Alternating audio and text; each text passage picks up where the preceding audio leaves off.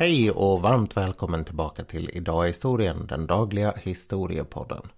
Jag heter som alltid Nils Hjort och idag så ska vi bege oss till ett regnigt New York City. Året det är 1909 och om någon lyssnar på det här i efterhand så är det den 9 juni. På 1930 Broadway så står en kvinna som heter Alice Ramsey ihop med sina väninnor. Bredvid dem så står det en alldeles blänkande grön ny Maxwell-bil. Den här bilen den är ganska modern för sin tid och den har lite extra utrustning. Men det är få som är intresserade av den här bilen. Trots regnet så har istället några journalister letat sig dit för att ta foton på de här kvinnorna. Och det var förutom då Alice, hennes två svägerskor, Margaret Atwood och Nettie Powell. Båda två betydligt äldre med sina dryga 40 år än Alice. Och med var också Hermaine, Hermaine Johns som var 19 år gammal. Alice själv, huvudpersonen i det här, det var hon som skulle köra den här bilen och det var därför journalisterna var där. Det var nämligen ett försök att bli den första kvinnan som körde rakt över hela USA. Från New York till San Francisco. Alice, hon var en liten nätt kvinna, 152 cm lång och 22 år gammal. Trots sin idag ganska låga ålder så var hon både gift och mamma. Hon hade tillsammans med sin make John en son som hette John Jr. Och det här paret de tillhörde onekligen en elit i New Jersey. Det var därför hon kunde köra bil och det skulle också göra att hon senare i livet kunde göra en del saker som inte var riktigt lika lätt för andra människor. Men det ska vi återkomma till senare. Det var hennes make som hade fått henne att börja köra bil och det berodde inte på att han själv var någon särskilt stor bilentusiast. Tvärtom så tyckte han att bilar var ganska läskiga. Han gillade inte att åka i dem och hon har sagt i efterhand att varje gång han gjorde det så frågade han bara hur man bromsade. Det var istället så att hon sommaren 1908 hade varit ute och ridit. Och då hade det kommit en bil och åkt förbi ganska fort och skrämt hennes häst. Hon hade tyckt att det här var ett fruktansvärt monster som drog förbi. Men maken hade sagt att det kanske var lika bra att vi skaffar dig en bil för att det är ju i alla fall säkrare än att rida. Alice hon hade gått igång ordentligt på den här idén och tyckte att det var alldeles fantastiskt bra. Man införskaffade därför en ny Maxwell Roadster, en eh, liten sportig bil som egentligen bara var avsedd för två personer och saknade bekvämligheter som framruta. Men hennes bil den var lite omgjord. Det fanns en eh, sån här svärmorslucka där bak som man kunde fälla ut och ta med sig några gäster. Och gäster det var någonting hon tog med sig mycket av. Sommaren 1908 så hade den lilla familjen hyrt ett hus i Asbury Park på den amerikanska östkusten. Och hon körde den här sommaren hela tusen mil trots att bilar på den tiden var ganska obekväma tingestar som var ganska opolitliga dessutom. Och det var ju också någonting som saknades vad det gällde vägstandard jämfört med idag. Men hon tyckte att alla de här obekvämligheterna det var det värt för det var ganska häftigt med den här nyheten bil tyckte hon. Så vilka var egentligen då Alice och John? Jo, Alice hon var född 1886 och det var i en familj som var ganska burgen. Hennes pappa var kolhandlare och hade intressen i ångmotorer. Han hade även fört över det här teknikintresset på sin dotter. Hon hade i sin tur visat sig tidigt vara en ganska hård och bestämd ung flicka. 15 år gammal så bestämde sig skolstyrelsen i eh, Hackensack där hon bodde i New Jersey för att man skulle korta sommarlovet med en vecka. Det gjorde att hon drog igång en namninsamling för att stoppa det här och det är lite oklart hur det gick men jag tycker det är en ganska härlig historia. Det var också i den här åldern som hon träffade sin blivande make John Rathbone Ramsey. Eller som han kallades bara Bone helt enkelt. Hur de träffades, det säger hon att det var när hon gick till skolan. Att han brukade träffa henne och gå och prata med henne. Idag så hade man väl sett lite annorlunda på det där med tanke på att han var 25 år äldre. Alltså 40 när hon var 15. Hon kommer istället senare att berätta om hur trevligt det var att han kom över och satt och läste tidningen medan hon var hemma och gjorde läxorna. Men även på den här tiden så hade man börjat fundera en hel del på om det var okej okay att gifta sig med så unga tjejer.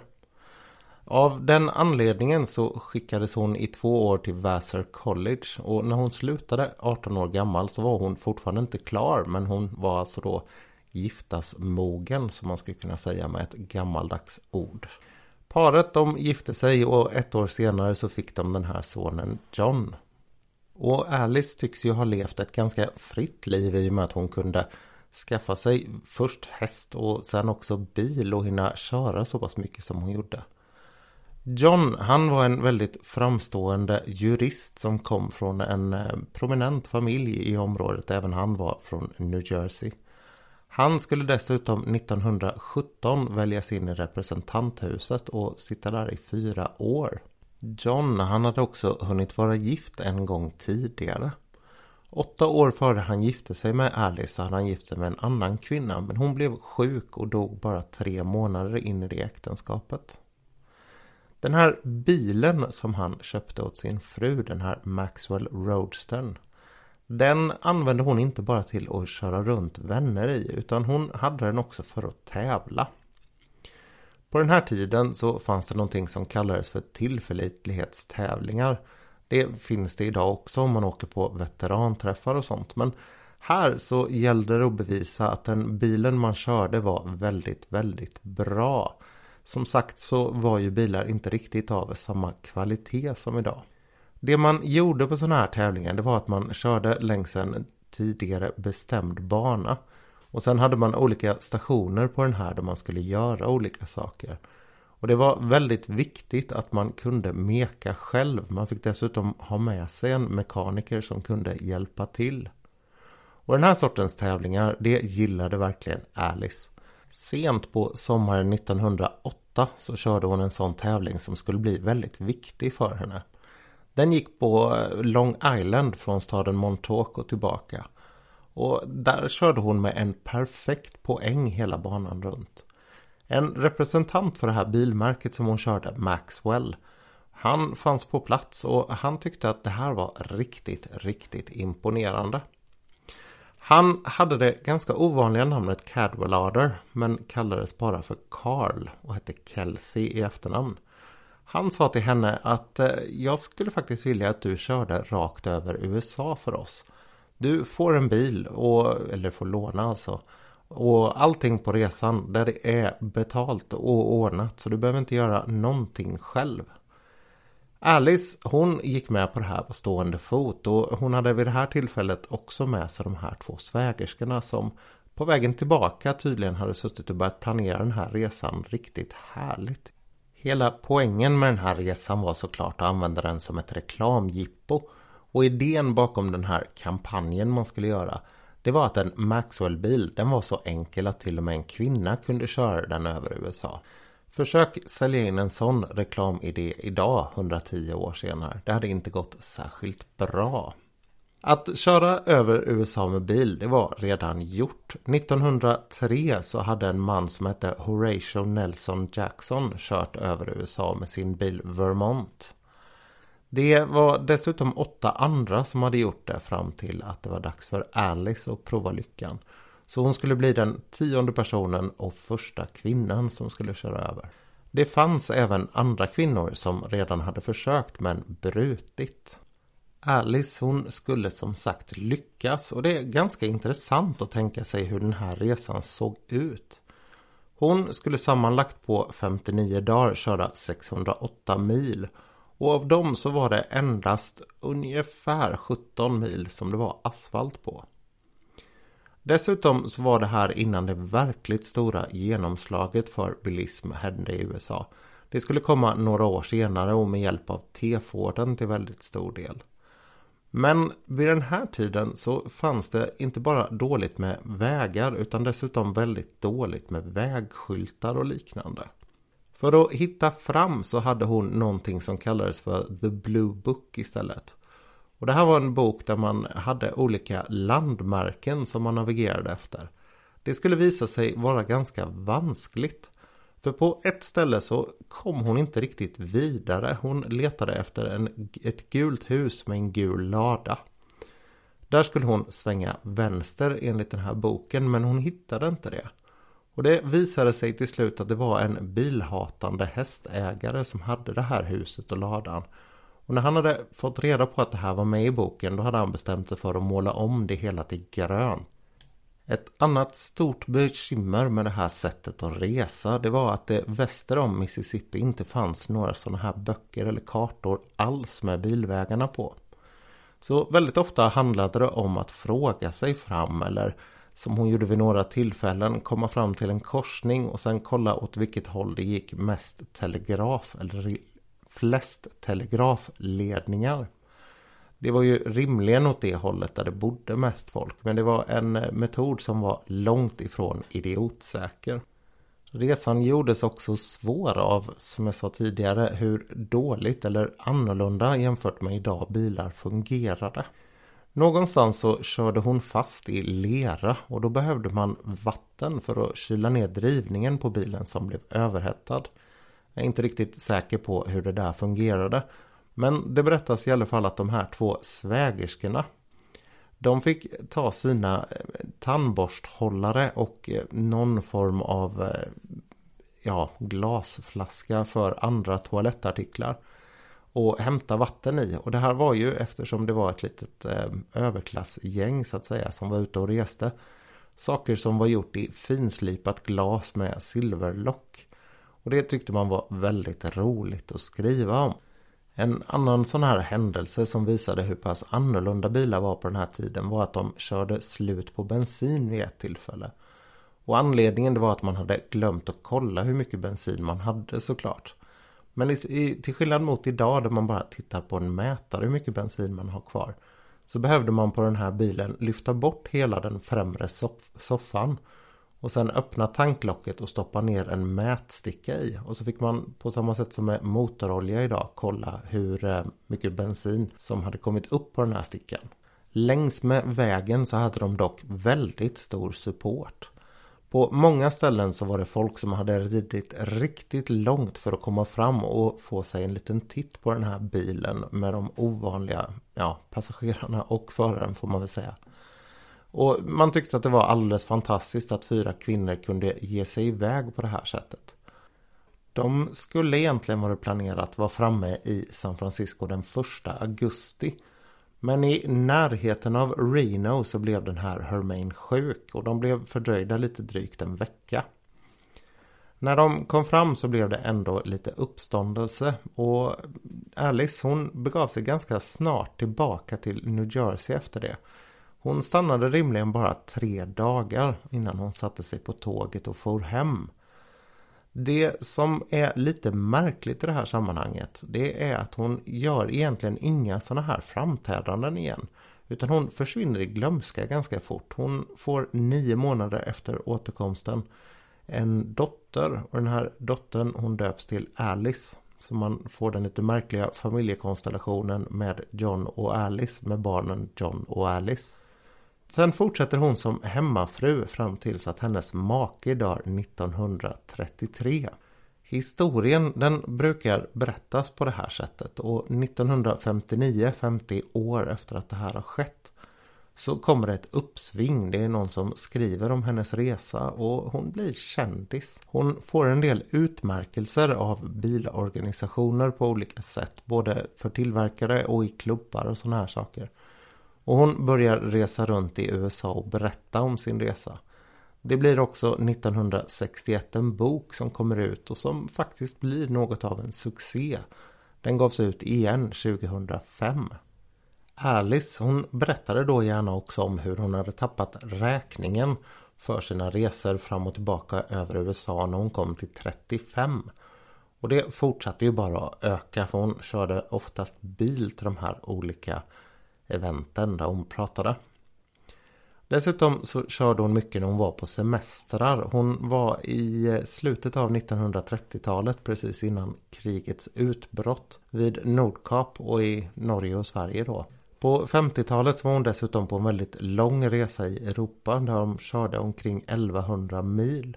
Redan under hennes livstid på 1970-talet så kom det fram att de hade haft mer hjälp än vad man ville ge sken av när hon gjorde den här resan. De hade en man som åkte före hela tiden och som planerade allting åt dem. Han tog ut annonser i lokaltidningar och såg till att det kom folk och tittade på bilen och på den ovanliga gruppen som reste i den. Och han ordnade också med hotellrum och sådana här saker. Dessutom så fanns det hela tiden färdigt med mekaniker om det behövdes på plats. Och om de körde fast så såg han hela tiden till att de skulle få hjälp med att få loss bilen. Jag tycker egentligen inte att det här skäl någonting ifrån hennes bedrift. För det är en makalös resa hon gör och hon stöter på en hel del krångligheter på vägen. Så det är ganska häftigt att tänka sig hur det var. Alldeles oavsett om de fick hjälp eller inte. Någonting som däremot inte var känt under hennes livstid. Det var att hon väldigt kort tid efter att hennes make avled 1933 han var ju 25 år äldre som ni kanske kommer ihåg. Att hon väldigt kort tid efter det här inledde en relation med en annan kvinna.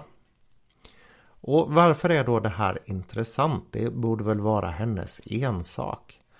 Jo, det tycker jag absolut att det är. Men samtidigt så fungerar ju historia som så att när det finns ett material och man börjar nysta i det så hittar man ibland saker som inte var kända för människor runt omkring den personen som man studerar.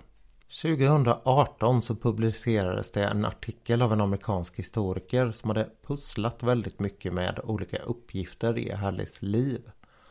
Och hon kunde på ett ganska övertygande sätt visa att hon inte bara hade haft en relation med den här första kvinnan utan också med en andra. Och att det var väldigt långa relationer. Den första var från någonstans omkring 1933 till mitten av 50-talet och den andra från mitten av 50-talet och fram till Alice död. Hon blev 96 år gammal och dog 1983. Jag funderade lite på ifall jag skulle ta upp det här eller inte. Men jag tycker faktiskt att det finns en poäng i att berätta att hon var lesbisk och vad det betyder för historieforskningen. Just genom att Alice lämnade sådana här spår i historien så kan man ganska tydligt se hur kvinnor vid olika tider som har varit antingen då homo eller bisexuella har eh, haft olika strategier för att hantera samhällets uppfattningar om dem. För Alice del så kanske det var enklare än för många just för att hon levde väldigt privilegierat. Hon levde i en ganska fri miljö och hon hade gott om pengar. När hennes make dör så gör hon om huset som hon bor i, eller hade bott i ihop med honom. Och deras barn de är redan utflugna. Därefter så flyttar den första kvinnan som hon har en ganska öppen relation med in. Ehm, och hon heter Anna och står sen som inneboende i folkräkning och sådana här saker. Det var lite trassel med den här Annas familj så att i perioder så bodde de mera isär och samtidigt så började Alice att pendla till västkusten. Hon bosatte sig till slut i Covina i Kalifornien ihop med den här Anna. Och eh, Alice hon hade uppskattat Kalifornien väldigt mycket redan första gången hon kom dit på den här bilresan. Anna hon dör dock ganska fort där i Kalifornien. Och tämligen omgående så inleder Alice en ny relation med en kvinna. Återigen en kvinna som tillhör hennes egen samhällsgrupp. Hon heter Elisabeth och de kommer då vara tillsammans som sagt i lite drygt 20 år de också. Och Alice hon är vid det här laget 70 år gammal redan. Elisabeth hon är 20 år yngre. Personer som den här historikern har pratat med hon säger att deras relation det var en öppen hemlighet. Och när hon läser material som finns i olika tidningar om det här då är det alldeles uppenbart att de hela tiden diskuteras som ett par även om man inte säger det rakt ut. Jag kan fascineras väldigt mycket av sån här historieforskning som genom att rekonstruera ett liv visar på de gränserna som det samhälle den här personen levde i satte upp för den. Eh, tvivelsutan så var Alice en väldigt bestämd kvinna och som inte lät sig bli pressad alldeles för mycket av normer runt omkring henne. Och det gjorde säkerligen hennes liv väldigt mycket enklare. Nog om det. Den 9 juni 2009 så var det en kvinna som hette Emily Anderson som gav sig av i Alice fotspår.